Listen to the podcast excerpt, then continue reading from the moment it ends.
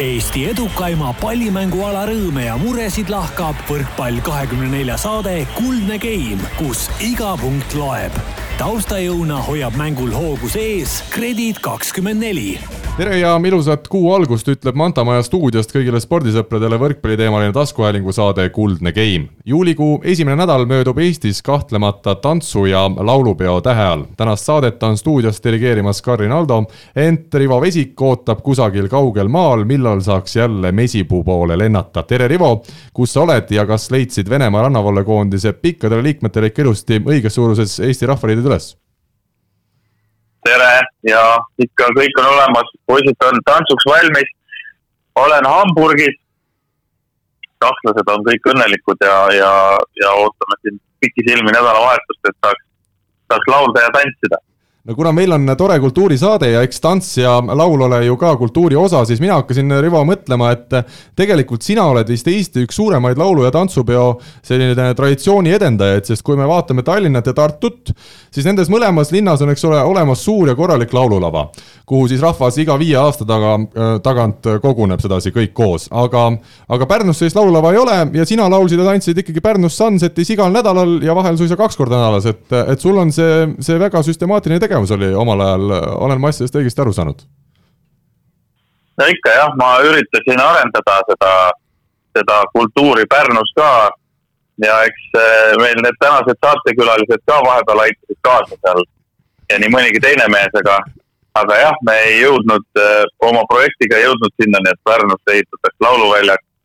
selle asemel hoopis lammutati ainukene koht Vallikäär ära ja, ja noh, nüüd me siis peamegi Tallinnas ja Tartus käima pidutsemas äh, ent omamoodi sambat tantsivad ju tegelikult, Rivo, vähemalt rannaliival tänaseni ka meie seekordsed saatekülalised, nagu sa natukene vihjasid juba ka. mul on tõesti suur-suur au ja rõõm näha enda vastas istumas kahte Eesti võrkpallilegendi, need on mehed, kellele mina olen alt üles vaadanud oma varajasest lapsepõlvest saati. tere tulemast stuudiosse, Kaarel Kais ja Argo Arak! tere! tere! kas Tallinnasse toovad teid tantsu- ja laulupeoproovid või olete pealinnas paiksed elanikud tänaseks? Jah, mina olen juba paikne, päris pikalt siin juba. mina ka juba hakkab viisteist aastat varsti saama. Äh, Kaarel, ma vaatasin Vikipeediast järele, seal on kirjas, et sa oled Tallinnas lausa sündinud, kas vastab see info tõele? see on täiesti õige info, aga ma küll äh, sündisin, aga siis vist, kui ma olin kusagil ühe ja poole aastane või natuke enne vend Kristjani sündi, mu vanemad kolisid Pärnu kanti, et tegelikult üles kasvanud olen ikkagi lapsepõlve veetnud Pärnus Argo, sinu kohta Vikipeedia vaikib, ei ole veel lehte tehtud, et et ma annan nüüd Rivale siit ülesande kohe edasi, et, et see leht tuleks ära teha, sest seda, kus Argo sündinud on, mul ei õnnestunudki kohe internetist leida. hea küsimus. Rivo, kas sa tead? kuidas? kus Argo sündinud on, kus Argo sündinud on, tead sa seda? kus Argo sündinud on? jah. no eks ta Viljandis ole noh õige. eks ta Viljandis, Viljandis ole noh nii et äh, Viljandi ja Pärnu mehed on meil siis suures plaanis täna äh, saates äh, ja Kaarel, ma saan aru, et sa oled täna vandeadvokaat. nii ta on. ja Rivo, jälle sulle siis hoiatus ka, et, et tänases saates tuleb küll väga täpselt valida, mida öelda, mis hetkel öelda ja kellele öelda. ei no meie võime siin valida, mida tahame, aga kui Karla tahab meid ikka kinni panna, siis ta paneb meid kinni, ma arvan ja Argo, millega sina täna igapäevaselt tegeled? mina olen täiskohaga treener, nii Selveri võrkpalliklubis noortetreener kui ka siis on esiliigas Tallinna Ülikooli spordiklubis ka käpp sees. Nii et sina, ütleme siis äh, igapäevaselt erinevalt Kaarlist pintsakut selga ei tõmba, et ma üldse kahtlen, kas sul ülikondki on ja kui ülikond, siis võib-olla ainult mustad sokid leiaks kodust üles? jah, nendega on suht hapu, et kui mingi pulm või midagi on, et siis ühe olen soetanud siin paarkümmend aastat tagasi, kasutan seda no põhjus, miks me täna oleme teid koos stuudiosse kutsunud, seisneb siis selles, et te osalesite paar nädalat tagasi Eesti rannavõrkpalli karikaetapil Tartus koos ja teenisite kõigi üllatuseks, ma julgen ikkagi nii öelda, vastavalt neljakümne nelja, neljakümne kolme aastaste meestena tugevas konkurentsis kolmanda koha. räägime siis saates ka korra üle, et mis teid uuesti kokku tõi? no mina ju olen ikkagi siiamaani järjepidevalt mänginud, et ükski hooaeg mul vahele pole jäänud ja eks ma olen siin ikkagi iga hooaja eel vaadanud, et, et kellega, kellega turniire koos mängida ja juhtus nii, et meil küll hooajaks oli kokku lepitud, et mängin Rein Tiisaarega, aga Rein mulle ilusti varakult juba ütles kaks turniiri, kus ta kindlasti osaleda ei saa seal muudel põhjustel ja, ja siis, kui siin kevade lõpus tegime siin trenni, siis vaatasin, et vana baarimees Argo hakkab hirmuseasse vormi minema, siis kasutasin juhust ja, ja ja küsisin temalt, kas ta ei taha mängida ja õnneks ta oli nõus. Oli nii? et olid heasse vormi minemas, ma mõtlen seda vorm, poolt. vorm oli tõesti üllatavalt hea jah, tuleb välja, et siin sai isegi treeninglaagris Türgis käidud Mardi ja Kustiga natukene kaasa tehtud, nii et jah. nii on Mar. nii on. Mart Ka. Kaarel, Kaarel äh, oskad sa peast öelda, sa, ma tean, et sa oled numbritega väga hea, et äh, oskad sa peast öelda, mitu rannavoole hooaega sa nüüd järjest oled mänginud? Ma oskan sellepärast. et ei ole vahele jäänud äh, ma oskan sellepärast, et Mehis mult seda küsis ühel turniiril ja siis ma tegin kiire arvutuse ja peaks olema kahekümne seitsmes hooaeg see mul. noh, nippa-nappa. sama, kui vanad Mart ja Kusti meil täna on? umbe, umbes nii vanad vist ongi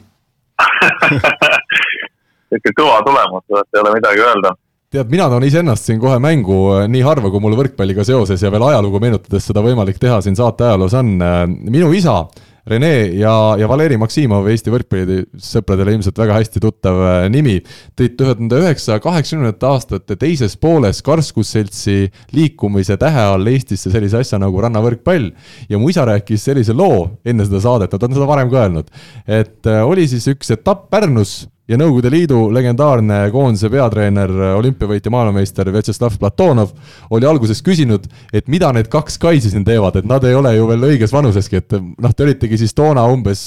neljateist-viieteistaastased äkki, võib-olla isegi vähem, aga kui nad olid mängima hakanud, need kaks kaisi, Kristjan ja Kaarel, siis Platonovil enam vist küsimusi ei olnud olnud, et, et noored mehed olid hästi mänginud, Kaarel, kas sa ise midagi mäletad nendest aegadest? sellega on jälle nii, et ma ise väga täpselt ei mäleta, aga kuna sellest on juttu siin varem ka olnud siin teised on ka seda meenutanud, siis jah, täpselt nii see oligi, me kuskil jah, neliteist, viisteist võisime olla Kristjaniga ja isa, isa meid sinna turniirile mängima pani ja, ja saime päris hästi hakkama jah, selliste tükk maad pikemate ja võimsamate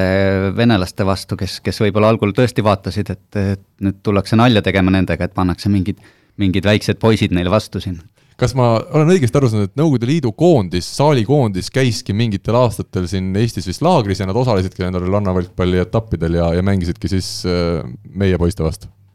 ma, ma ei julge päris sada protsenti öelda, et see koondis oli, aga kindlasti nad olid väga tugevad, kas, kas ta võis mingid aastad vist käis Peterburi klubimeeskond ja, ja võib-olla mingitel aastatel koondis ka, aga no kui Platonov oli, siis see võis muidugi tõesti väga juhuslik kamp ei olnud ilmselt jah ja.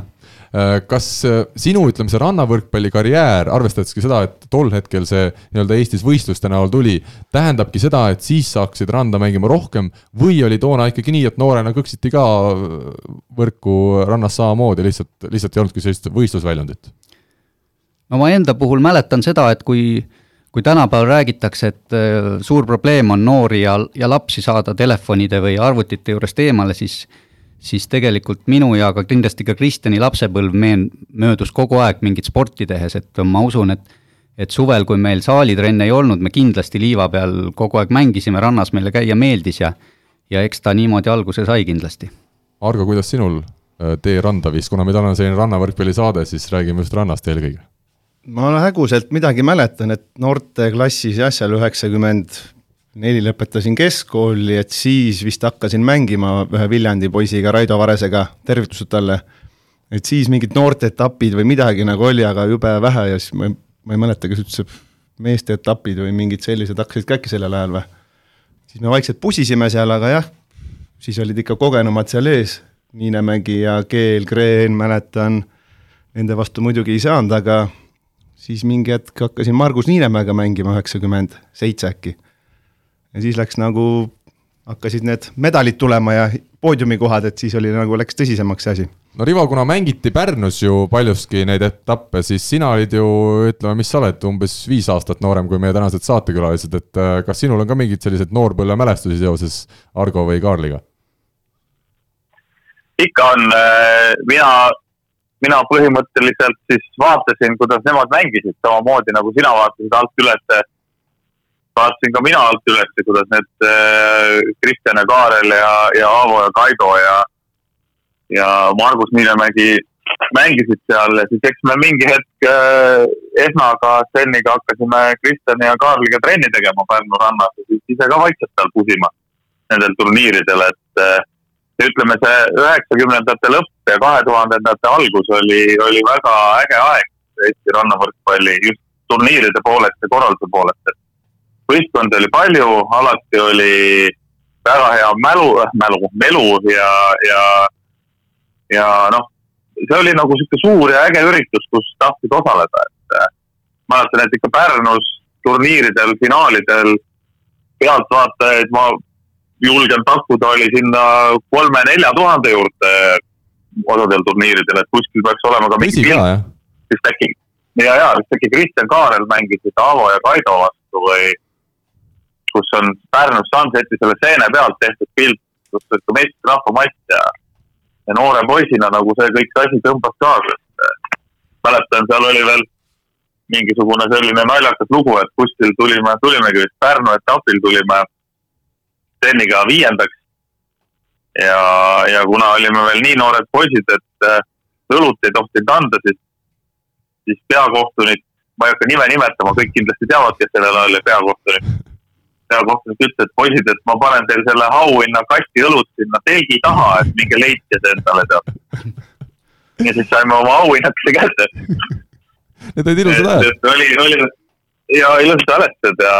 ja noh, eks me möllasime, pusisime seal, hirmsalt tahtsime Kristjanit ja Kaarlit ja, ja Argot ja, ja seda Margus Miinemäge võita, et no aga ei õnnestunud, kuidagi ei õnnestunud. kaua siis aega võttis? aga väga ägedad, väga ägedad ajad olid jah, oled, on sul meeles see esimene võit, ütleme Kaarli või Kristjanile? Äh, jaa, on küll, aga see oli ilmselt, kas, oota, kas, kas me äkki Kristjanit ja Kaarlit koos ei olegi võitnud? no vot.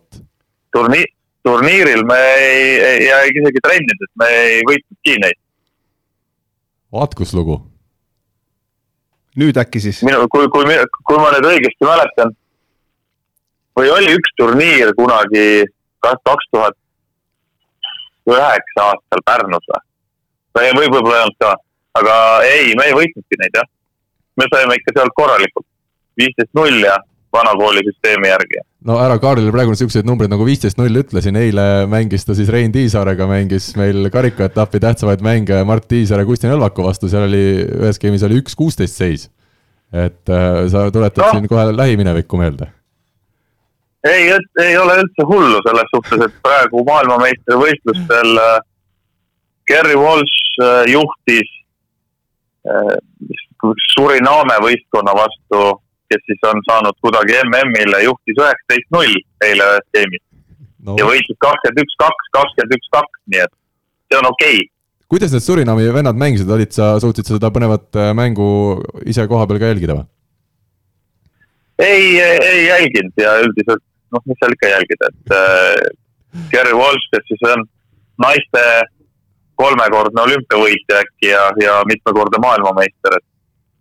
seal ei ole midagi jälgida ja, ja ilmselt kui oleks läinud mängule ja oleks kümme minutit hiljaks jäänud, oleks mäng läbi olnud me tuleme veel sellele Tartu etapi juurde tagasi kindlasti täna mingil hetkel, aga Kaarel, ole hea, räägi sellest äh, sina ju Kristjaniga mängisid alguses koos ja mängisite ka väga kõrgel tasemel, ütleme, mis sinu, sinu isiklikus rannavolle karjääris selline tipphetk oli, kui sa nüüd täna juba aastaid hiljem sellele tagasi vaatad? eeldusel, et tipphetked võib-olla on äkki veel ees, kui vaadata, kuidas Targuga mängisite noh, jah, nii optimistlik ma päris ei ole, et, et nad ees oleksid, aga, aga eks neid selliseid võib-olla mingit väga suurt sähvatust meile, meile ei jäänudki, aga, aga ikkagi ükskord meenub üks Ukraina äh, MK Challenger etapp, kus me jõudsime poolfinaali, mängisime seal veel lätlaste Greenbergsi ja Stalsiga poolfinaalis seal tolle aja. Rekord game'i nelikümmend kolm, nelikümmend üks, hirmsas kuumuses ja siis eks selliseid kolmandaid kohti ja siis noh, EM, EM-etapi seitsmes koht meenub vist seal kuskil ka üheksakümnendate lõpupoole, aga sellist sellist, ütleme, päris rahvusvahelisel tasemel mingit väga suurt sähvatust meil ei olnud, noh MK-l ka kaks korda Grand Slamil saime alagrupis, alagrupis päris head võidud, aga surnud ringiga mõlemal korral osati meid ikkagi välja kukutada, et et sellised, sellised asjad meenuvad. kas, kui me vaatame just tagasi sellele ja mõtleme, et hiljem ju Kristjan mängis Rivoga, kas võib-olla teie puhul jäigi vendadega, vendadena siis mängides puudu sellest, et rannavõrkpallis hakkas ikkagi välja kujunema, et üks mees on selgelt pikem, kes on plokis ja teine siis keskendub kõigele muule, kas see võis olla ka see üks põhjus, miks võib-olla see viimane samm jäi veel astumata koos? kindlasti, et noh, ma olen alati sellest rääkinud, et kaks sellist kõige suuremat muudatust, mis üldse on rannavõrkpalli reeglites tehtud, tehti seal enne Sydney olümpiat üheksakümne üheksandal aastal, üks oli siis punktisüsteemi muutus, et enam ei olnud see nii-öelda, et ainult oma servist saad punkti, vaid mindi, mindi üle rally point äh, süsteemile, kahekümne üheni game ja kolmest parem. ja teine oli siis, mis veel olulisem muudatus, kui ikkagi rannavõrkpalliplats tõmmati üheksa korda üheksa meetrit kaheksa korda kaheksa peale, mis tegelikult andis sellise selge eelise ikkagi paaridele, kus üks, ühel mängijal vähemalt on ikkagi väga, väga kõrge plokk, sest see ala, kuhu seda palli lüüa, jäi tegelikult seitseteist ruutmeetrit väiksemaks, seal seda mänguruumi jäi, jäi palju vähemaks ja, ja noh, pärast seda on ikkagi neid paare, kes niimoodi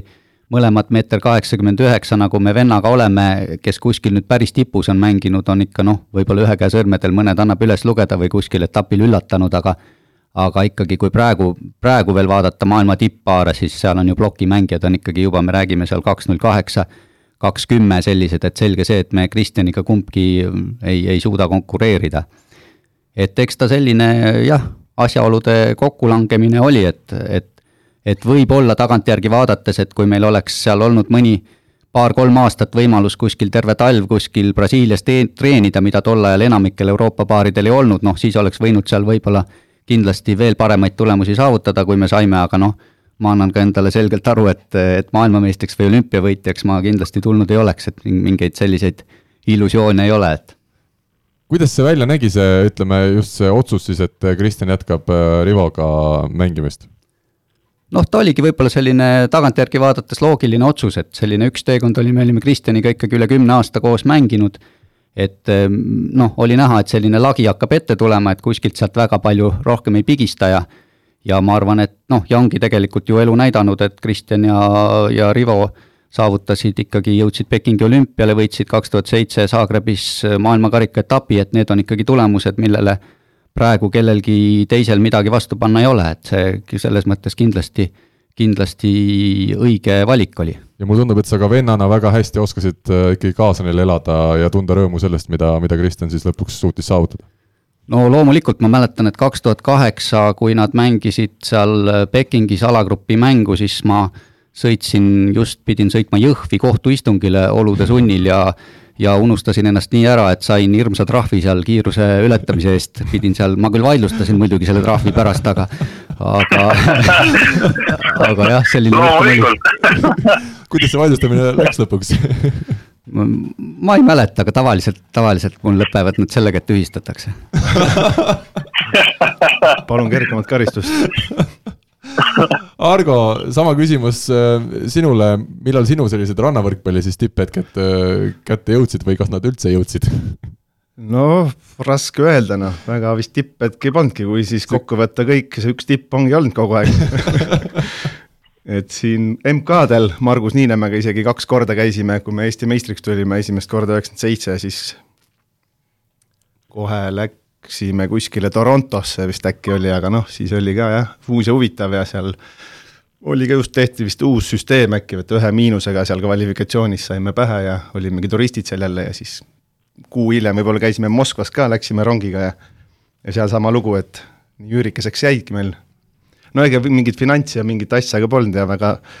ei pressinud ise sinna, aga jah, võib-olla oleks natuke tõsisemalt seal kaasas käinud võib-olla ja ehk oleks kuskile jõudnud, ei tea mulle tundub, et ka see mõtlemine natuke on muutunud, kui me tänapäeval nagu vaatame ka sportlasi, siis kogu aeg nõutakse, et peaks olema kõik tingimused kuskil olla ja saada. tollal vist ei osatud isegi unistada sellest, pigem mõeldi, et ükskõik kuhu mindi ja saadi, et see oli juba suur, suur nagu edu või? no sellel ajal vist jah, saalihooajad lõppesid ära, läksid randa, mängisid nagu oma lõbuks, ei olnudki nagu sellist mingit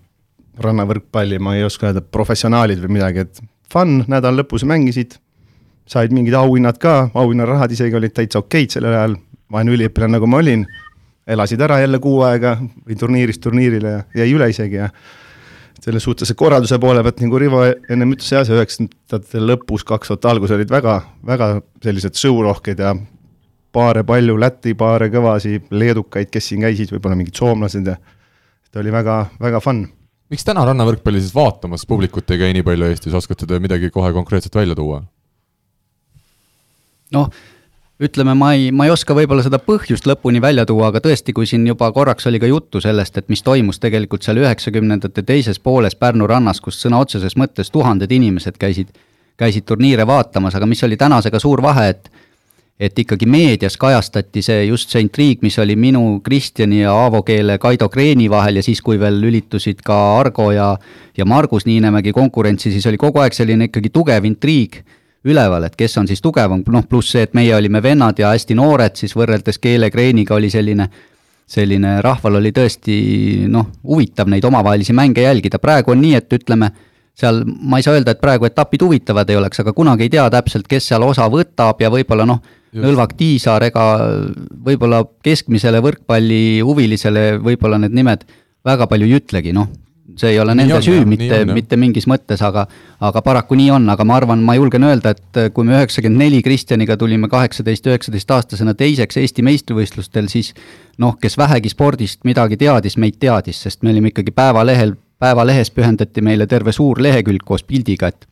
sellist asja täna, millal rannavõrkpallist oleks, oleks suur artikkel, noh kahjuks ei mäleta. no eilne etapp väga hea kohe võtta, kui nüüd jah, võrkpall kakskümmend neli kõrvale jätta, kes peabki niisugustel üritustel enamjaolt kohal olema, siis ega Eesti meediat ju ei olnud seal kohal, olgugi et Tiisar ja Nõlvak ainus etapp sel hooajal, kus nad siis kodus on mängimas, et ja Pirital ei ole ilmselt väga kaugele kuskilt telemajast või, või kesklinna Postimehe ja, ja ütleme, Delfide kontorist tulla ka. et see on paratamatus ilmselt, sellega tuleb täna leppida. jah, võib-olla see tase, noh, okei okay,, eestlased on siin oleme ikka tasemel siin, aga just need lätlased on ka ära kadunud viimased aastad, ma olen siin tähele pannud, neil on omad etapid seal, vanasti olid siin atraktiivsemad need, sellepärast nad käisidki siin, tõstsid kohe taset ja ja nii ta oli jah, et nüüd võib-olla pole lätlasi juba paar aastat näinud siin. Rivo ähm,. aga lät-, lätlased, lätlased ütlevadki, ma olen rääkinud sellest, lätlased ütlevadki seda, et et neil ei ole mõtet enam Eestisse tulla mängima, sest äh, nende tase on kõvem ja vanasti, kui nad käisid siin, noh, oligi tase kõva ja oligi just see, mis neid meelitas, siit öelda muidugi, noh, vabandust, halb öelda, aga auhinnarahad on ju. siis nad ütlesid, et eh, kui nad tulevad Tallinnasse etapile, võidavad selle ära, siis nad jäävad päris kõvasti miinusesse lõpus, et eh, et see pool, teine pool, mis nagu Karla ütles õige asja, Kaarel ütles jumala õige asja, et oligi intriig üleval. täna ei ole ja täna seda intriigi nagu ei tekitata ka, et seda võiks idee järgi ju kunstlikult kuidagi tekitada aga jah, et ei ole seda, et äh, sama asi ka, eks ole, kui sa ei tea, kes osalevadki etapil ja hommikul sa oled selgunud, eks ole, et seal noh, on, on ka väga, väga keeruline seda teha ja kui terve, eks ole, hooaeg läbi ei käi sul ka needsamad Tiisar, Nõlvak ja ei teki niisugust äh, meeletut intriigi, et siis on ka raske ja, tekitada. Ja, ja, et kui üks, üks etapp on sul seal, ma ei tea, noh, võiks olla ka, et Rakvere siin, Pomerants, Pomerants on ju, kes mängivad umbes Rakvere eest ja la la la la la, mängivad seal mingi Pärnu võistkonnaga aga noh, üks etapp on Tamme Pomerants, teine etapp on Tamme Neuhaus, kolmas etapp on äh, keegi veel kellegiga, siis jumala õige jutt äh, Kaarlil, et ei tekigi seda mingisugust intriigi. kõik jätkan. nagu mängivad kõigiga nii, nagu mängivad jätkan kohe Kaarli käest, kui sa ütlesid, see Kreen ja, ja Keel olid teie nii-öelda siis meedias äh, intri-, intrigeet-, kuidas siis öelda, noh intriig oli loodud, kuidas teil omavahel läbisaamine oli? ma ütleks, et üldjoontes ikkagi hea, et ega noh, konkurendid on konkurendid, aga eks ju kõik on ju mõtlevad inimesed ja saavad aru, et tegelikult me ju noh, ajasime ühte asja, võitlesime ühe asja eest ja ja eks sellist võib-olla natuke teinekord ikka platsil midagi öeldakse teravamalt, aga ma arvan, et kokkuvõttes ja ikkagi, ikkagi me saime hästi läbi ja sõbralikult, et kas Aaval vist see nii-öelda väljakul ka ütlemise asi oli, oli päris käpas, et, et ta teadis, millal kuhu suruda? no kindlasti üks, vahel üks ta eesmärke võis ka, võis ka olla jah, lihtsalt meid endast välja viia, et eks nad sellised ju meist ikkagi noh, Aavo oli minust kaksteist aastat vanem, et meie olime nende jaoks ikkagi sellised väga noored, et tegelikult meil oli hea meel, et nad üldse pärast üheksakümmend neli, kui me tulime teiseks, siis nad kutsusid meid endaga treenima, et see oli, esialgu oli ikkagi selline suur suur au, et ja, ja hiljem, eks me olime ka ju tegelikult olukorras, kus kus me pidimegi üksteisega trenni tegema või koos Argo ja, ja Margusega, sest ega rohkem sellisel tasemel, noh, alati võimalusel muidugi, suur tänu Stenile ja Rivole, kes meid hiljem aitasid või, või Mait Pärg ja Argo Kasela, kes meil olid sellised igapäevased treeningpartnerid, aga aga sellised tugevamad trennid saigi alati ju omavahel tehtud, et ega meil seal väga sellist võimalust ei olnudki mingit tüli kiskuda. Rivo, ole hea, meenuta natukene Kaarlit ja, ja Argot mängijatena, mis nende tugevused olid või, või ütleme siis on tänaseni? noh, Kaarli puhul kindlasti mängu lugemine ja, ja piirikoks ebareaalselt täpne, täpse käega mees, et äh, jah, oligi see mängu lugemine lihtsalt nii hea ja, ja kannatamine, et mingite hetkede ärakannatamine, et me võisime seal trikitada ja trikitada ja trikitada, aga mingi hetk, kui vaja oli, siis Kaarel sai selle palli kõik kätte ja lahendas ära, et äh, ja Argo puhul, Argo minu arust siiamaani on Eesti läbi aegade parim blokeerija rannas äh, nagu mängu, täpselt sama mängu lugemine, ploki ajastus. No minu, mina paneks ennast teiseks selle koha peal ja paneks Argo esimeseks, et äh, mul on siiralt kahju, et, et ei saanud äh,, Akse ei saanud rohkem mängida maailmakarika etappe ja, ja nagu mingisugusele proovile panna ennast mingil tasemel, et ma arvan, et oleks väga hästi seal hakkama saanud. Nii, mehed, kõik võrkpalliteadjad, äh, äsja siin rääkisime sellest, et, äh, et pikka meest on ikkagi teist vaja vähemalt rannavõrkpallis, et, et blokeerida hästi. mis ime läbi siis Argol need plokid nii head said olla, Argo, kui pikk sa oled? meeter üheksakümmend kaks. no ei ole just Rivo ju maailma kõige pikem mees, et mis, mis ime moel ta nii hea blokeerija temast sai? no ploki, tema ploki ajastuse kohavalik on lihtsalt nii hea, et ta suudab hüpata plokki äh, nagu pikale mängijale niimoodi, et ta läheb üles hästi hilja ja katab oma suuna täiesti ideaalselt ära. et see pikk mängija ei näe, kus see plokk on ja kui läheb alla lööma, siis seal on käed ees. väiksemale mängijale kiiresti üles minna, käed üle panna lihtsalt, et, et ta ei suuda nagu mööda lüüa. ja kokse loeb ka, et ma arvan, Akse ise oskab paremini öelda, aga mina arvan, et ta loeb nagu mängija pealt, näeb ära, et kui mängija läheb koksama, siis ta lihtsalt hüppab natuke hiljem natuke tahapoole ja saab siiamaani saab oma sõrmed sinna pallidele vahele. jah, eks ma ise arvan. mina arvan, et see aja... ploki ajastus kohavalik on ju. jah, täpselt see ajastus ja see mängu lugemine, eks sa tunned või aimad juba, mis see vastane seal teeb või mis asendis ta on seal ja vastavalt sellele siis kiirelt reageerid nii, mind nüüd huvitab, kes ma mängin ka hobi korras rannavõrkpalli ja ütleme, kord siis äh, suve peale saan ühe ploki kirja. Äh, mind huvitab, kuidas teil mõlemal, ütleme, oma tugevuste kallal see töö käis, kas see on mingi asi, mis tuleb iseenesest või te olete teinud, ma ei tea, kas siis näiteks pärast treeninguid, enne treeninguid mõelnud läbi, arutanud, kuidas mingites olukordades konkreetselt käituda, et paremaks saada, olete te selle peale nagu meeletult aega kulutanud ka võrkpalli siis väljakul olemise, mitte sel ajal, kui te väljakul olete? Ei, mina konkreetselt vist ikka on tulnud läbi mänguainetega spetsiaalselt nagu väga seda rannavõrkpalli, nagu ennem ütlesin, trenni ei ole teinud, et seal jääks jah,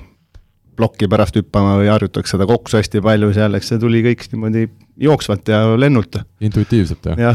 ja Kaarlil sama? üldiselt küll jah, kui mõelda, ega mul ei ole rannavõrkpallis noh loomulikult isa algul meid eh, nii-öelda mingeid elementaarseid asju õpetas, aga siis ju tegelikult oli rannavõrkpall ikka lapsekingades, et ega ühtegi treenerit polegi väga karjääri jooksul olnud ja, ja põhiliselt just, just sellise analüüsiga, et ka mit-, mitte ainult eh, mängude vahel, vaid ka mängu sees alati, et kui ikkagi sulle kolm korda ühte kohta pall maha, maha lüüakse, siis eh, ju mõistlik on ju mõelda, et kuidas siis teistmoodi teha, kas natuke teises kohas seista, natuke hiljem, varem hakata liikuma, et kõik sellised sellised asjad ja niimoodi ta kogemuste pealt on siis seda õpitud ja, ja tegelikult rõõmus või noh, hea ongi see, et ega neljakümne nelja aastaselt võib ka palju asju juurde õppida, et ma arvan, et praegu ka ma iga, iga turniiriga mingi väikse nüansi jälle, jälle võib-olla õpin juurde, et. aga mina tean sind lisada, suur ikkagi enne saadet on tehtud ka suur taustatöö, et tegelikult Kaarlil on olnud ka seda mõttetöö arendamist ikkagi kõvasti, sest äh, rannaväljakute kõrval olid ju kabelauad, ma saan aru, Pärnus jah, olid, noh, tegelikult jah, eks seal ma ühe, ühe jah, lugupeetud rannaveterani Endel Liiviga seal palju mängisin, sest tal oli kabelaud alati kaasas ja sealt talle ei öelda, see oleks praktiliselt olnud noh, enesetapu vääriline tegu. väljakul poleks saanud ilmselt, eks ole, samal. ma, ma arvan küll, jah ja Rival on ka need hetked meeles, ma eeldan ja ikka ma, mina, mina küll viisakalt, viisakalt loobusin Ensi pakkumisest, sest, sest kui ma paar-kolm korda temaga mängisin, siis see mäng toimus nii, et mina tahtsin mingit käiku teha ja siis Endel ütles, oi oota, ära sinna käi, käi sinna. siis ma ütlesin Endlile, mingi, mingi hetk ütlesin Endlile, et kuule, Endel, et sa, ma istun siin niisama, et sa mängi siis minu eest kah, et siis sul on põnevam. aga palju teil, Karla, palju teil seal Endliga seis jäi siis lõpuks? no ei, ta oli ikka kindlasti tugevam, et ta oli vist äh, mingis, mingis äh, mitte päris Eesti meister, aga mingisuguses äh, kategoorias ta oli Eesti meister olnud, et selge see, et et niimoodi talle, ma ikka rannas tegelikult tahtsin rohkem füüsilisele spordile keskenduda, aga aga ma püüdsin talle vääriline vastane olla ja noh, mõned korrad kindlasti võita õnnestus, aga, aga üldskoor on kindlasti kõvasti tema kasuks. aga Rivo, sinuga on siis, ma saan aru nii, et, et kui öeldakse muidu inimeste käest küsitakse, kas sa malet oskad mängida või ei, et siis sinu puhul isegi, isegi see kabe, et ega sa tegelikult ei tea, kuidas need nupud seal käivad, jah? Ei no ma tean ikka, ma oskan küll mängida, ma oskan, malet oskan ka, ma liigutada oskan neid nuppe, aga ma ei suuda nii palju ette mõelda ja, ja selle koha pealt ma, ma olen natuke võib-olla nii kärsitu inimene, et mul ei ole seda vastu, mitte vastupidavust, vaid kannatust. samamoodi nagu näiteks Äh, näiteks äh, pokkerit mängida, on ju, kaardimängu, ma lihtsalt ei suuda istuda nii kaua. ma hakkan kohe panustama, on vaja panustada. all in kohe aga tul-, aga ma tulen, tulen korra tagasi selle trenni asja juurde, et kui Kaarel ja Akse, Argo Arak oleks veel trenni ka teinud, selles mõttes trenni, siis jumal. ei tea keegi, mis tasemele oleks jõudnud. oi jumal, on ju, sest sellel ajal oligi, kui ka meie Steniga alustasime, ega ju treening koosnes sellest, et tulid randa, tegid soojenduse, viis-kuus geimi mängimist, lihtsalt mängimist ja siis mindi koju. et mingeid tehnilisi elemente, elemente keegi nagu ei lihvinud ja väga ei vaadanud, et kunagi hiljem siis, kui me hakkasime Kristjaniga käima maailmakarika etappidel rohkem ja nägime, et kuidas nagu, kuidas siis nagu teised seal treenivad, kõik need tipud, et siis läks nagu rohkem selle peale. ja tänapäeval on ikkagi nii, et noh, Argo teab ise, et ta aitab Martti Kustit siin ka natuke treenerina, et äh, trennis nagu mängib, mängulist osa on ülivähe, kõik on ikkagi harjutused, harjutused ja mingite kindlate asjade lihvimine kas see on mingis mõttes isegi selles suhtes hea, et mängijad, äh, nad siis õpivad ka nautima seda võistlusmomenti rohkem, kuna nad trennis väga palju seda võistlusmomenti ei saa, et ongi, trennis on selline raske töö tegemine ja siis mängus sa saad neid kõiki asju proovida ja pluss siis on selline mänguline moment ka jah, ja mängijad on nagu näljased, et äh, just. tahavad minna just mängima, et see annab neile niisugust nagu lisamotivatsiooni. nii, aga nüüd annan võimaluse Kaarlile ja Argole, öelge, öelge paar head sõna Rivo kohta ka. Noh, Rivo kohta võib, võib palju häid sõnu öelda, et et kui võrkpallist rääkida, siis noh, kahtlemata ma julgen öelda, et koos mu vennaga nad on kaks läbi aegade kõige paremat äh, rannavõrkpallurit koos, koos kõigiga, kes on enne arvestatuna läbi aegade, kes kõik, kes on enne neid, kes on pärast neid olnud. ja ma, ma soovin praegustele tippudele muidugi suurt edu, aga, aga ma arvan, et nende saavutus, see MK-etapi võit jääb ikka väga pikaks ajaks ka ületamatuks, et et Rivo puhul on võib-olla, võib-olla inimesena see, et ta on sellise hästi suutnud olla selline hästi ikkagi, kuidas ma ütlen, muhe, selline sõbralik, sõbralik inimene, oskab alati väga, väga ilusti, kutsutakse teda igale poole telesaadetesse, sest ta on selline, oskab kiiresti leida häid. ilus mees, ma olen selline ilus mees. jah, rääkimata veel sellest, et kindlasti väga, väga, väga ilus mees, et äh, ei, loomulikult, et, et väga, väga, väga tore, et, et oleme koos, koos Pärnus üles kasvanud ja, ja saanud nii palju kokku puutuda nii väljakul kui väljaspool väljakut. Argo, siis räägi natuke sellest võib-olla, mis väljaspool väljakut on ei, muidu ikka Rivot sai siin omal ajal võidetud, aga nüüd selle Kristjaniga mängima hakkas siis läks, siis läks tunduvalt raskemaks asi, nüüd ei teagi, milles see jama oli. aga muidu tore poiss ja ei, väga, on igasuguseid asju saadud tehtud koos. Rivo, nõustud kõigega äh,? jaa ma tahaks veel selles suhtes, ma tahaks veel selles suhtes öelda nagu äh, mõlemale, Argole ja Kaarile mõlemale aitäh ja, ja eriti nagu Karlale, et äh, et seesama, nagu teie hakkasite Aavo ja Kaidoga trenni tegema, on ju, et see, et meie saime hakata teiega trenni tegema Steniga, et see minule andis küll nagu isiklikult väga-väga suure sellise tõuke just, et minna nagu rannavolle poole ja, ja noh, et ma räägin, et sellised mehed olid ees, keda sai vaadata, keda sai reaalselt nagu vaadata, et kurat küll, et need on ikka kõvad vanad, et hästi mängivad, et tahaks ise ka seda asja nii hästi teha, et äh, see on olnud kõva motivatsioon väga,, väga-väga kõva motivatsioon, nii et aitäh vana, vanadele. Ja nagu ütles äh, legendaarne DJ Tom Lillenthal mingil turniiril, kiilakad võidavad niikuinii nii, aga mis mind nüüd huvitab, te olete mõlemad siis, äh, Argo ja Kaarel veel täna mängimas, kas see nauding erineb sellest naudingust, mis te saite rannavõrkpalli mängides siis ütleme kakskümmend, kakskümmend viis aastat tagasi? Või te oskate ehk täna isegi veel rohkem nautida seda kõike? no kui ma esimesele vastaks, siis siis võib-olla isegi on see viimane variant, et võib-olla praegu isegi, isegi jah, saab seda rohkem nautida, esiteks sellepärast, et kunagi ei tea, et tead, et ikkagi tõenäoliselt see viimane turniir sellisel tasemel on juba üsna lähedal, et kui palju neid veel mängida saab ja, ja kui tõesti oled veel sellises vormis, et saad mängida sellisel tasemel, et see et see mängupilt ka rõõmu pakub, et siis see on nagu eriline ja pluss teine asi, et, et praegu ei ole ka erilisi pingeid peal, et kui kui juba ka lugupeetud saatejuht ütleb, et meie kolmas koht oli üllatus, noh siis see tähendab, et ilmselt, ilmselt meilt väga palju ei oodata, aga enamuse. siis võib näidata, et saatejuht ei ole väga kompetentne asjades, millest ta räägib. noh, ma tahaks arvata teistmoodi, aga ma pigem arvan, et see ilmselt on see arvamus tegelikult õige aga noh, enamiku ju oma karjäärist, kui ma olen Eestis mänginud, kui me üheksakümmend neli vennaga üllatasime, tulime Eesti meistrivõistlustel teiseks, siis suuremal enamikul turniiril ma olen ikkagi olnud noh, vähemalt kolmanda koha, kui mitte esikoha soosik, et et eh, kogu aeg on tegelikult selline pinge ja eriti, kui veel Kristjaniga MK-d ja Euroopa karikaetappe mängisime, noh siis, kui me Eestis oleks siin kellelegi mingisuguse mängu kaotanud, siis seda oleks ka kohe, kohe kajastatud sellise noh, meie mõttes siis negatiivse uudisena, et et siis olid ikkagi noh, kuigi kuigi võib-olla tase ei olnud ka Eestis nii kõva, et meil ei olnud väga raske enamasti neid eh, võita, aga, aga ikkagi olid sellised pinged kogu aeg peal, aga praegu võib ju üsna, üsna pingevabalt ikkagi minna, et ega kui me kui ma ka seal äh,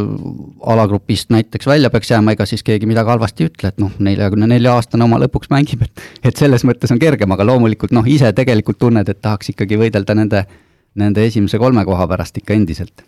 Argo, sina ka naudid? eks ta siin on mul läinud ikka selline jah, naudinguga, mis seal ikka, et viimased aastad jah, kui ilm on ilus ja vihma ei saa ja väga külm ei ole ja soe ilm ja kondid saavad soojaks ja siis on väga fun ja ikka naudinguga jah, ei ole selline, et sunnitöö. Ivo, kuna Kaarel on siin täna ka paar korda maininud seda meedia tähtsust ja rolli, kui palju sind see mõjutas, mida meedias sinust äh, kirjutati? ma siin eelkõige pean silmas spordi, spordi neid lehekülgi, kuigi sinust, nagu me teame, on ka palju mujal kirjutatud. Äh, tead, kui päris aus olla, siis mingi hetk, mingi hetk, mingi hetkeni ma lugesin ja, ja jälgisin mingeid asju äh, lugesin ja jälgisin mingeid asju, mis kirjutati ja mingeid kommentaare ja igasuguseid asju ju ja, ja mingisuguse hetkeni, ma seda hetke nüüd täpselt ei mäleta, ma ikkagi noh, mingeid asju elasin üle, on ju. aga kuskil käis mingi klõps ära ja siis nagu üsna ükskõik, mis kirjutati, et noh, loomulikult on alati on hea, kui meedia kajastab seda sporti, ükskõik mis kujul ta siis seda kajastab, on ju. aga, aga et nüüd kuidagi midagi enda jaoks tähtsustada, et oi, näed, et nüüd keegi kirjutas kuskile, kuskile kommentaari, et äh, küll need ei oska ikka üldse mängida ja need on mingid halvad, et jumala eest, las kirjutavad ja las möllavad, et äh, noh, ma ei, ma ei, ma ei tähtsusta enda jaoks seda kindlasti üle. selge, kuidas äh, vormiga täna Kaarel ja, ja Argo lood on, äh, vorm on vähemalt väljast, paistab tõesti hea, aga, aga kuidas see tervis vastu peab sellele, nendele mängudele, ütleme selle Tartu etapi võtame, teil oli seal kokku vist äh, alagrupis kolm mängu, veerandfinaal neli, poolfinaal, pronksi mäng, siis kokku kuus mängu, et äh, kui ma turniiri ajal rääkisin, te ütlesite, et seis on väga hea, kas pärast oli ka hea? jah, eks ta oleneb vastastest ka, mõni on selline võib-olla kergem mäng, kus ei pea väga palju pingutama, aga ütleme, selline kolm mängu on ideaalne. vahepeal ongi need pausid, kui külmaks lähed jälle seal, et võib-olla ühe lauluga panna, aga noh, puhata ka vaja ja vähe süüa ja aga selline kolm mängu, jah. päeva kohta siis? päeva kohta, jah. kannatab ära? kui väga kuum ei ole ja noh, Tartus kannatasime neli isegi ja oligi seal natukene lihtsam võib-olla see veerandfinaal, kuna vedas natuke loosiga ja sai võib-olla seal natuke nõrgema vastase ja aga nii jah, kaks mängu oleks veel ideaalsem, noh, kaks-kolm kannatab ilusti ära. ma arvan, et Kaarlil vist ei oleks täna probleem ka hommikust õhtuni Pärnu rannas mängida noh, jällegi ma ise arvan, et, et mul ei ole eriti see vastupidavus halvemaks läinud aastatega, aga noh, muidugi jah, kui ma meenutan, kuidas me teinekord Pärnus oli ühepäevane turniir, me pidime Kristjaniga seitse mängu mängima, seal langesime algul miinusringi ja ühe päevaga ja polnud eriti hullu midagi, viimane mäng võib-olla natuke seal tundsid, et enam hüpata nii kõrgele ei jõua. siis praegu vist seitse, noh, vist tuleb endale tunnistada, et seitse mängu oleks vist, vist oleks natuke palju mu jaoks. kas me Austrias panime ka ükskord? jah, Argoga jah, oli kuskil kaks tuhat neli, kaks tuhat viis käisime Austrias ühel, ühel turniiril, kuhu meid ikka kutsuti päris mitu aastat järjest ja seal meil juhtus niimoodi, et turniir oli planeeritud kahepäevasena, kolmkümmend kaks paari põhiturniiril. esimesel päeval oskasime vist kas esimese või teise mängu kaotada, siis hakkas sadama paduvihma ja kõik mängud lükati teise päeva. niimoodi, et me pidime siis teisel päeval mängima viis, viis mängu miinusringis, et üldse poolfinaali jõuda ja kokku seitse mängu ja saigi mängitud need seitse, kusjuures neist seitsmest veel viis olid kaks-üks võidud, nii et nii et see jah, praegu on natuke vist, vist ma kardan, et siis me oleks õhtul ikka, oleks vist arstiabi vaja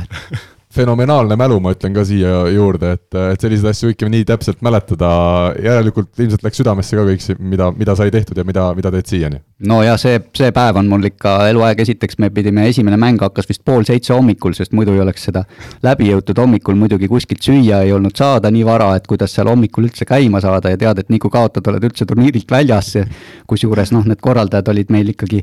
justkui noh, väga palju loot-, lootusi pannud meie peale, et kutsusid välispaare seal, ega neid palju ei olnud, kes seal oli Brasiiliast, Tšehhist, Eestist kutsutud, et nad alati tahtsid, et ikkagi välispaaridel hästi läheks, sest pole ju mõtet sinna kutsuda kedagi kahekümne viiendat kohta saama, et selline kerge surve oli ka peal ja see, see päev on tõesti siiamaani väga hästi meeles, nagu eile oleks olnud.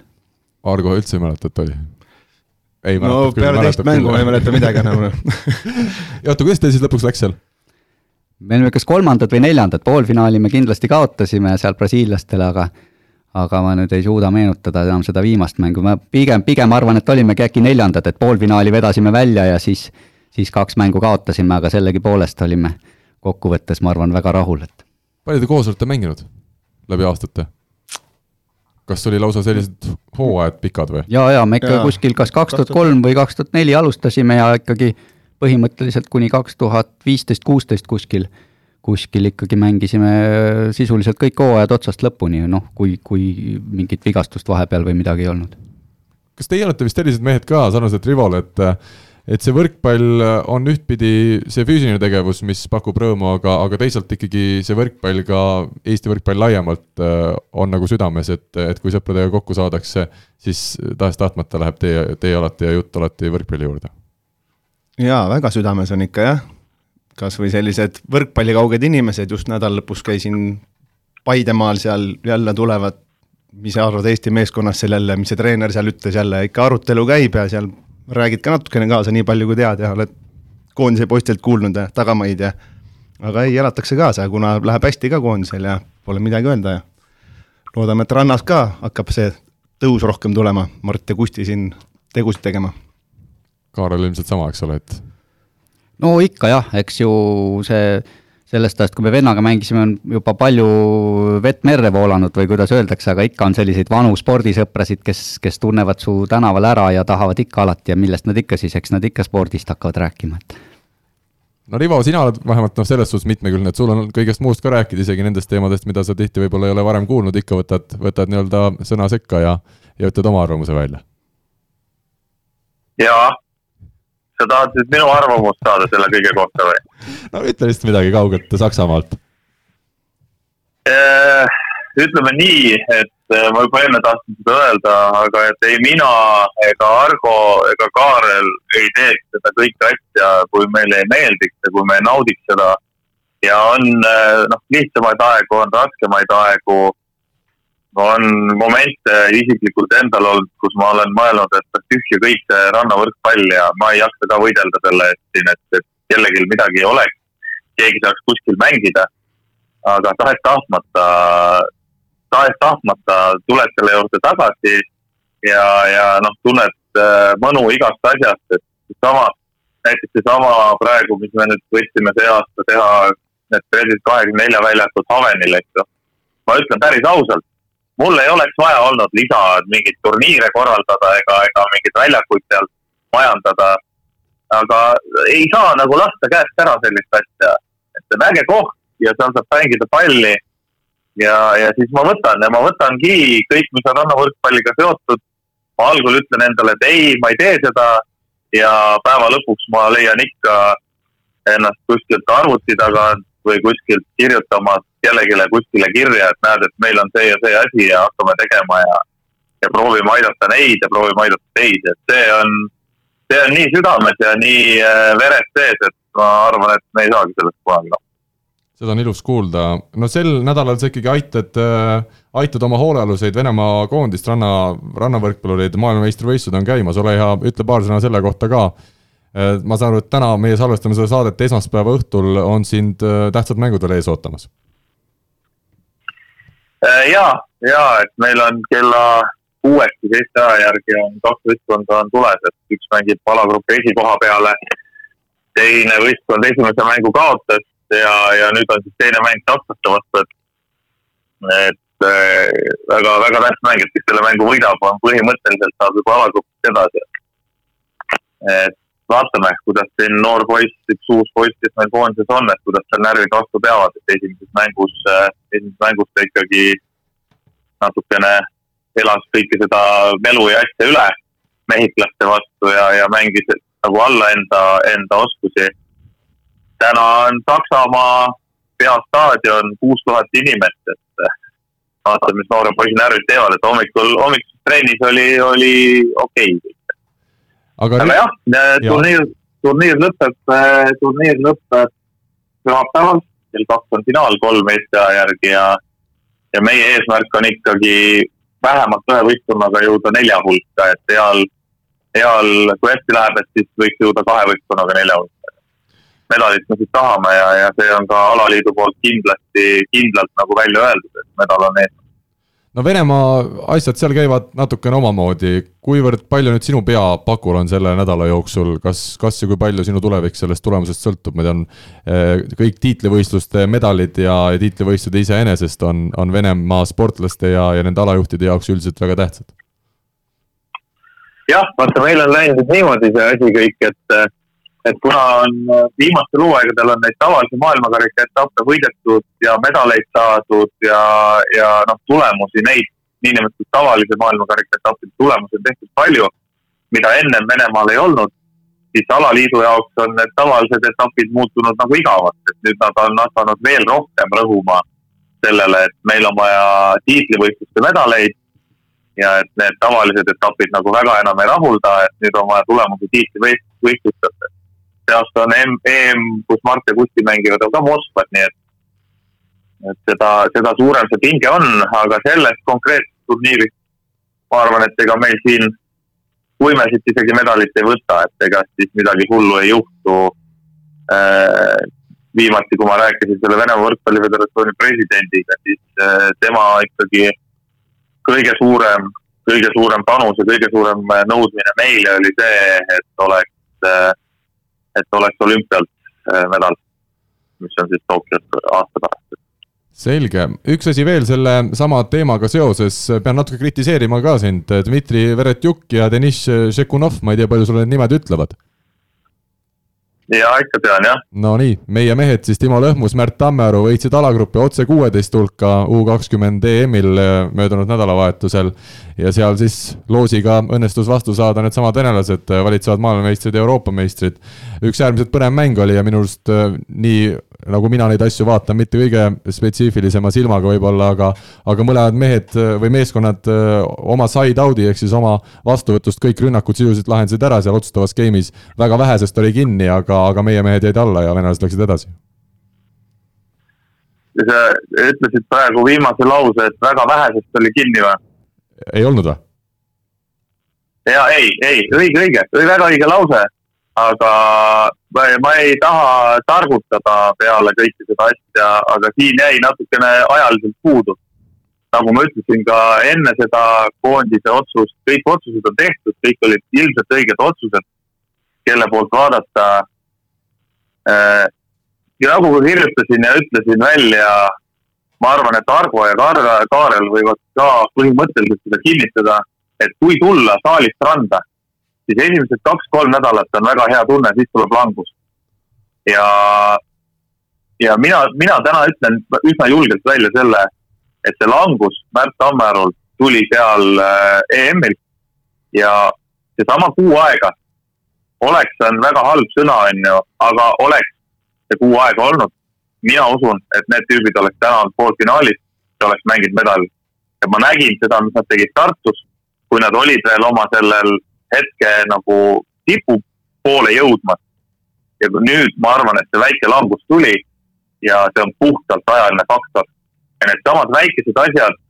see on iga sekund loeb liiva peal, eriti kui sa mängid tüüpide vastu, kes on aastaringselt liiva peal. just seda ma tahtsingi küsida. iga sekund, iga punkt, iga asi loeb ja mina jään oma sellele jutule ja otsusele kindlaks, et selle turniiri mõttes oli saalikoondisse minek viga.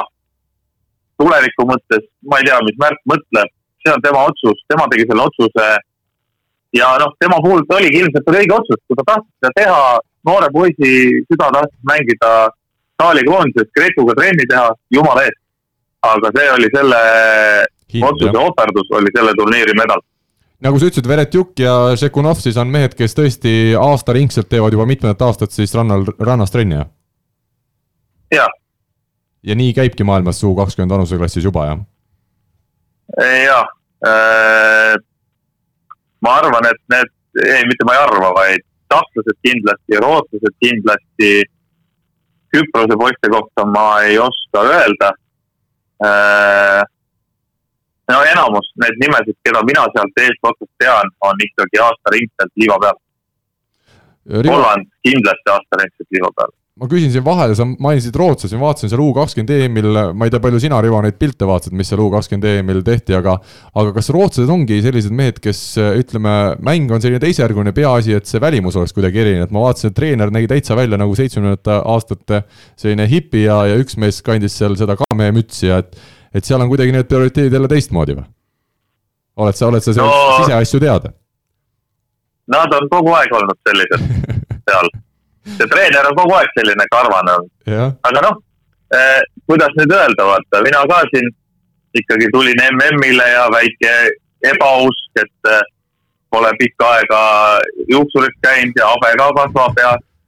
siis üks päev tulin, tulin trennist, särk natukene must väheke ihine ka, juuksed sellised sorgus, üks Saksa endine mängija tuli vastu, ütles mulle juba eemalt, ah, sa näed välja nagu alkohoolik ja mis ei ole ka väga vale. et äh, ei noh, rootslased lõppkokkuvõttes nad ju said medali sealt, on ju äh, kes said? neljandad? Need olid teised rootslased, need naljamehed, need minu arust ah., need saidki ainult need fotod, mis neist tehti, need said pärast ümbrikuga kaasa. no aga näed, fotod ikkagi tehti, vähemalt mehed olid pildis. jah, täpselt nii kui me sellest EM-ist veel räägime, U kakskümmend EM on nüüd siis läbi, U kakskümmend kaks ootab ees Rivo, Argo, Kaarel, kes siin kõige paremini neid asju teavad, kas sealt on meil ka võimalus meestel kõrgele jõuda või, või on seal see tase peaks ikkagi olema veel mitu grammi kõvem või? Rivo, sul on võimalus midagi öelda? aa, äh, et kas sealt on võimalus edasi jõuda, minu arust nad peaksid nende vanus peaks lubama üks aasta veel seda U, U kahtekümmend mängida. ja kui ma mõtlen, neil on nüüd U kakskümmend kaks tuleb EM, äh, peaks tulema, ma saan aru, et seal on mingid lahtised otsad veel, aga, aga nüüd siis lähiajal peaks olema see U kakskümmend kaks EM veel ka ees ootamas. aa ah,, okei okay. äh,. teate, üldiselt selles vanuses on need U kakskümmend kaks on kindlasti tugevam, et seal on tugevamaid võistkondi juba sees, kes mängivad ka maailmakarika etappe. aga, aga paljud on, võivad olla täpselt samad mehed et äh, üldiselt nad, kui on ikkagi tugev võistkond, siis nooremad mängivad vanemate turniire, noh samamoodi nagu Timo ja, Timo ja Märt, et äh, aga taseme poolest on ta kindlasti tugevam, et siis kui, siis kui mina Olegi ja Artjomiga võitsime U kakskümmend kaks EM-i, siis me mängisime finaalis nagu nende norrakate vastu, kes praegu on maailma esinumber nagu päris võrkpallis, meeste rannavõrkpallis. et Äh, ja seal olid austerlased, kes täna mängivad väga hästi meeste hulgas ja ja, ja et, et see tase seal on, seal on kindlasti tugevam kui kahekümne. aga tulemus selles suhtes, miks mitte, et, et täna minu arust on üks Märdi ja Timo nõrkusi on see, et et äh, noh, nad ei ole, plokk ei ole kõige kõvem, on ju, kõige pikem, kõige kõrgem. et U kahekümne kahel võib hakata see juba vaikselt mängima. Aga te, üks, üks väga suur tugevus, millega nad kompenseerivad, on need füüsis, nad on füüsiliselt väga tugevad. on väga head mõlemad. ja siin väike selline Eh, soovitus eh, treeneritele, et ma ei tea, kas nad on proovinud, kindlasti Karl on nii tark mees küll, et, eh, et on proovinud, et kuna Timo on vasakukäeline, mängib kahe peal ja Märt on paremakäeline nelja peal, siis nad võiksid mängida lihtsamate pallidega, võiks lihtsalt esimest üles mängida ja, ja lüüa neid palle, et et noorteturniiridel see üldiselt tehnika on neil nii hea, et see annab päris suure eelise selge, aga rannavõrkpallist me jõuame tänase saate jooksul veel rääkida, teeme vahele aga ära ühe küsimusmängu. võrkpall kahekümne nelja küsimusmängu toetab Sportland uurisime siis eelmisel nädalal, et millisel turniiril on koos mängijatena triumfeerinud Eesti koondise tänane abitreener Rainer Vassiljev ja temporündaja Andri Aganits. kas Argo, Kaarel olete kursis, mis ikkagi tähtis turniir? ei ole, rannas noh, seal on rand on ka lähedal, aga ei otseselt vist mitte. Kaarel? ma, kas ma tohin pakkuda? jaa, ei sina võid, Rivo, muidugi, jaa, paku, paku, paku. ma, ma pakun äh, Tammula vanake. jaa, absoluutselt. tahtsingi seda pakkuda nii et ikkagi me näeme, miks need turniirid vajalikud on, et kui, kui seal sellised mehed saavad kokku, siis siis miks mitte neid korraldada, kaks tuhat kaksteist olevat see aasta olnud, kui ma nüüd ei eksi, nii et õigeid vastase, vastajaid oli seitse tükki Äh, annan Kaarlile võimaluse seekord äh, ühest seitsmeni üks number öelda. no Lasse Õnnelik on siis täna number kolm. Number kolm, Karli Allik, äh, ütleme nii, et eile meie jaoks siis esmaspäevase saadet lindistades eile turniiril kolmanda koha saanud mees on nüüd numbri all kolm võetud välja meil võitjana ja ütleme, kui Karli tänasel päeval Eesti koondises ei mängi, siis vähemalt Eesti koondises särgi ta saab küll sel suvel endale selga. hästi, ja Äh, olgu siis tänatud ka Sportlandi, nendega meil sai juuni lõpus koostöö läbi, oli hästi meeldiv koostöö ja, ja tõesti suured, suured tänud eelkõige Gert Rangile selle, selle, selle kaasatulemise eest. uut äh, küsimusmängu toetajat meil täna veel ei ole ja natukene üleüldse kogu see saate formaat äh, on meil siin läbivaatamisel, aga Rivoga me juba enne saadet rääkisime, et küll me mingi auhinna ikka lep-, leiame ja küsimus, no selle selliste meestega siin stuudios olles, seda oli veel eriti lihtne leida. ja küsimus siis on sel nädalal selline. nimetage vähemalt üks Eesti võrkpallur, kellega koos on mänginud nii Argo kui Kaarel rannavõrkpalli.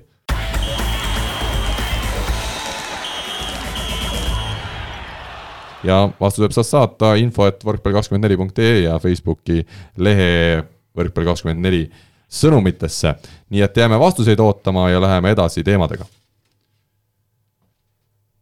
Kusti Nõlvak ja Mart Tiisaar, nagu siin saate jooksul oleme ka juba maininud, mängisid siis Pirita etapil kaasa, ainus äh, Eesti karikaetapp, kus Mart ja Kusti ilmselt tänavusel äh, hooajal Eestis äh, osalevad ja võitsid selle etapi kindlalt ära. naistest võitsid Julia Mõnnakmäe ja Kristiine Miilen, meie tublid saalivõrkpallurid, aga eks olgem ausad, see, et Mõnnakmäe ja Miilen tulid nulltrenni pealt ja võitsid turniiri ära, näitab ka Eesti rannavõrkpalli seisu siis täna naiste seas, et meil ei, ei ole ühtegi professionaalset rannavolle paari ja, ja ütleme, Mõnnakmäe Miilen, kes, kes mängisid tegelikult väga hästi, aga, aga no selgelt ja nad võitsid selle turniiri üle, ülekaalukalt, aga aga tõesti, ütleme väga põhjapanevaid järeldusi nüüd sellest eh, teha ei saa, et, et hetkel meil on selgelt, need tugevamad meespaarid on rahvusvahelisel tasemel palju tugevamad kui meie tugevamad eh, naispaarid, siis ilmselt võib nii öelda, Argo, sina oled ka võib-olla natuke lähemal sellele teemale täna mm,?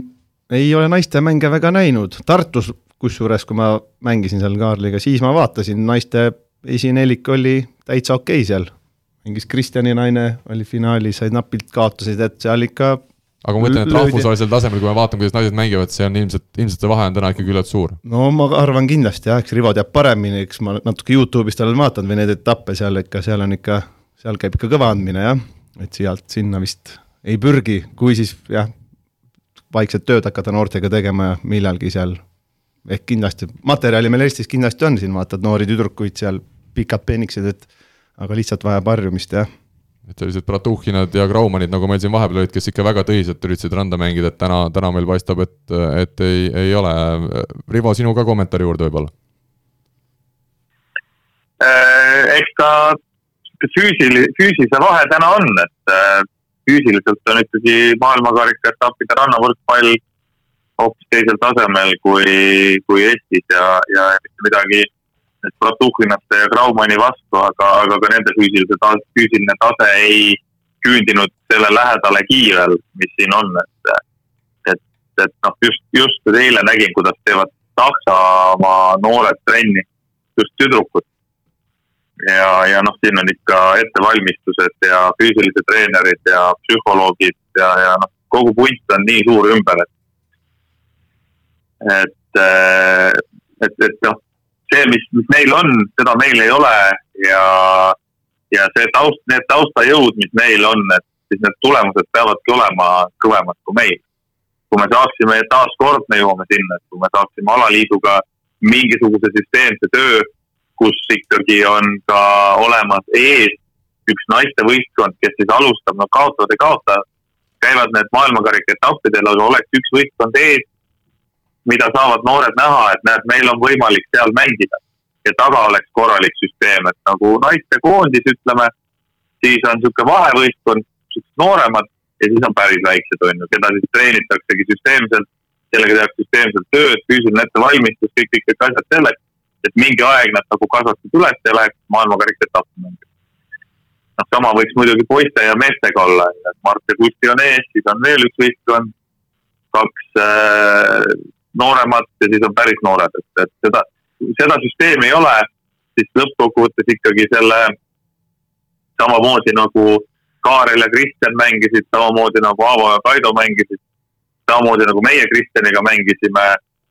ja Mart ja Kusti mängivad, on ju, selle fanatismi peal, siis meil võibki olla nii, et meil tuleb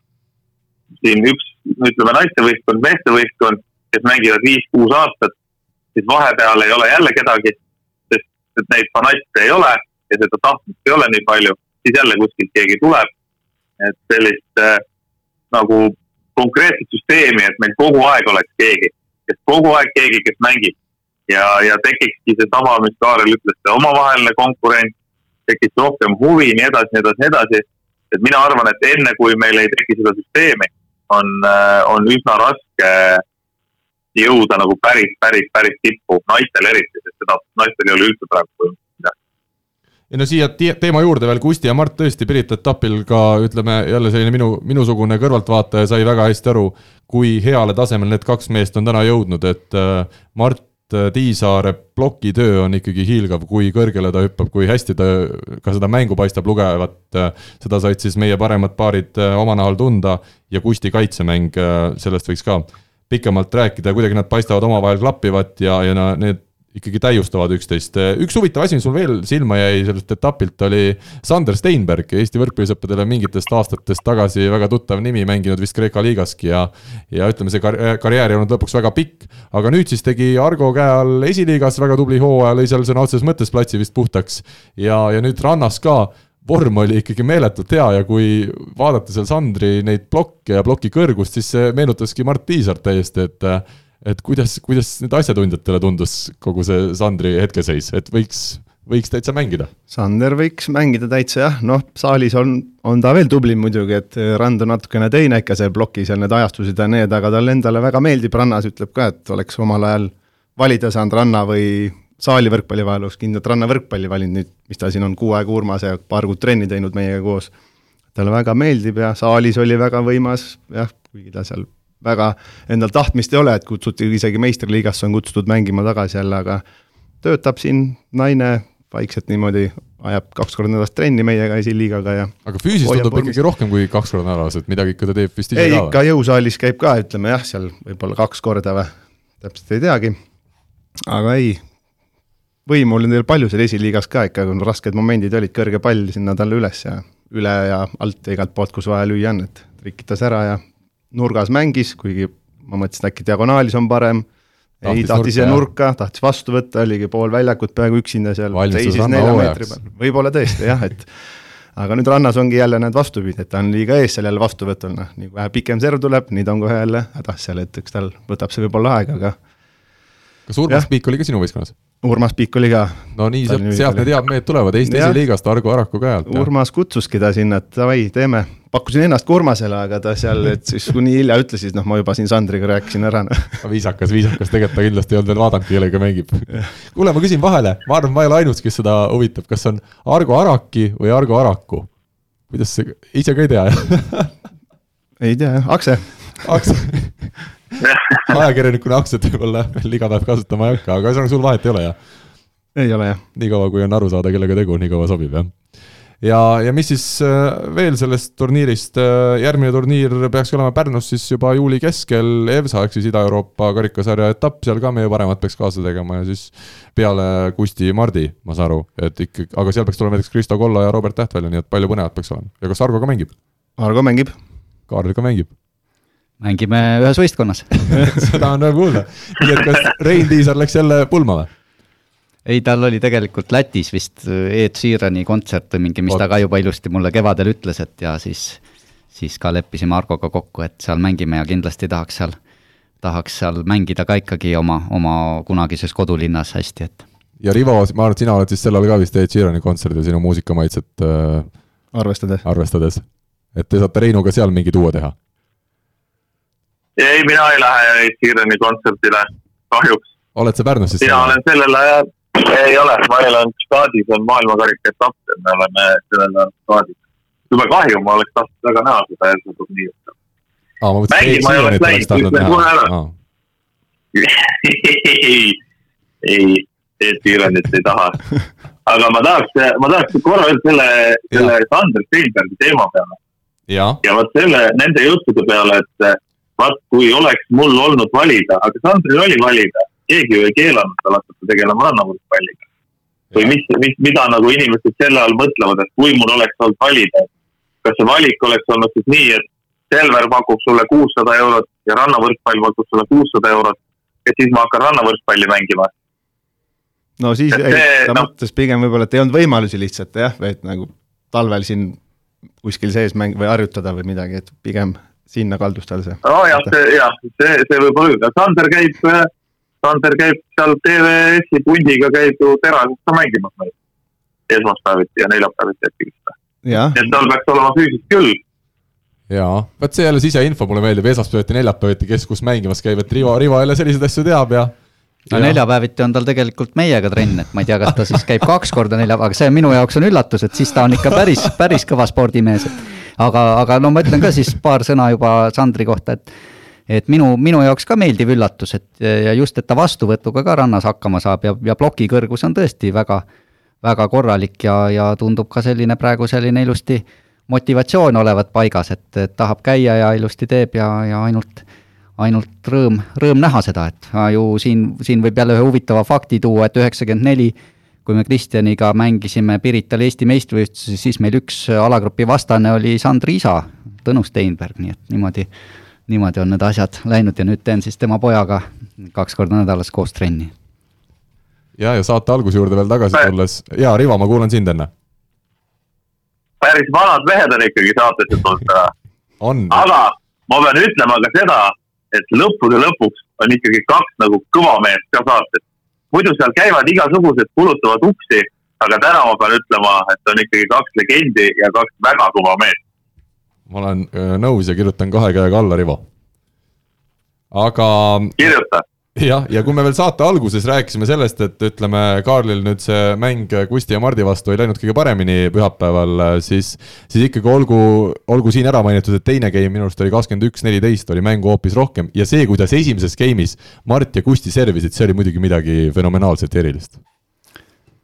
nojah, ega tõenäoliselt on see kõige suurem game'i kaotus kogu mu karjääri jooksul, et ega ma ei tahaks nüüd, ma ise lootsin, et sellest ei, ei tule juttu siin. Aga noh,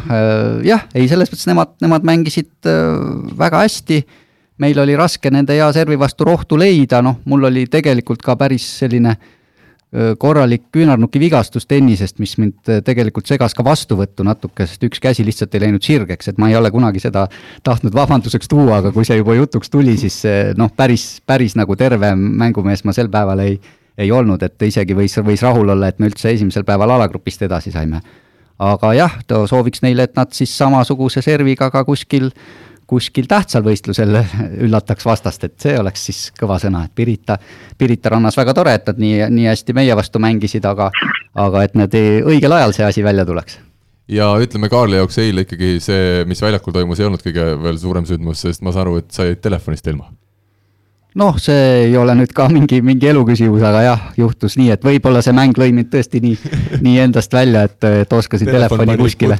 kuskile ära kaotada jah, aga, aga no mis teha, juhtub selliseid asju saate lõpetuseks mainime siis ära nendele võib-olla võrkpallisõpradele, kes jälle meid Delfist kuulavad ja kes igapäevaselt võrkpalli ei jälgi, et Hindrek Pulga üleminek Chamonix ridadesse, Prantsusmaa hõbedaklubi ridadesse oli võib-olla küll üks Eesti võrkpallurite viimaste aastate selliseid üllatavamaid äh, seiku ja ja kui nüüd natuke ka taustainfot rääkida, siis Georgi Kretsu, meeskonna peatreener, oli enne seda poolfinaali, kui ta oli ära otsustanud, et Hindrek Pulk alustab Oliver Venno asemel, kes siis selgelt oli alavormis seal finaalturniiril Euroopa kuldliigas. et oli ära otsustanud, et Hindrek algkoosseisu koosseisu pääseb, siis võttis äh, Gretu ette kõne äh, Silvano Brandile, kes on siis Jamoni peatreener, kuna seal oli juba enne mingit natukene juttu neil omavahel olnud, ütles, et pane nüüd telekas käima, et pulk on algkoosseisus. pulk tõi seal umbes kaheksateist, üheksateist punkti ja kaks päeva hiljem oli leping tehtud.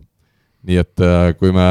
oleme siin ka viimastel nädalatel Georgi Kreetsu isikust rääkinud, siis mina ütlen jätkuvalt, häbiväärne tegu on tõlkida ingliskeelset F-tähega sõna eesti keeles nii ropuks, nagu seda tegi Märt Roosna, mina ei soovi seda teemat pikemalt kommenteerida, ma ütlen, et äh, ükski teine ümberviibinud ajakirjanik neid sõnu kirja ei pannud. Ja, ja kui need panna kirja, siis eesti keeles on tuhat muud viisi, kuidas see sõnum edasi anda, mitte tõlkida nii. ja sama päeva õhtul enne artikli ilmumist veel muide, äh, Georgi Kretsu ju ka vabandas Märt Roosna ja ta sedasi ütles et mina ütlen jätkuvalt, see on täiesti uskumatu tegu, mida Märt Roosna tegi ja, ja see, mis maine, Georgi Kretsu, kuidas see maine kahjustada sai,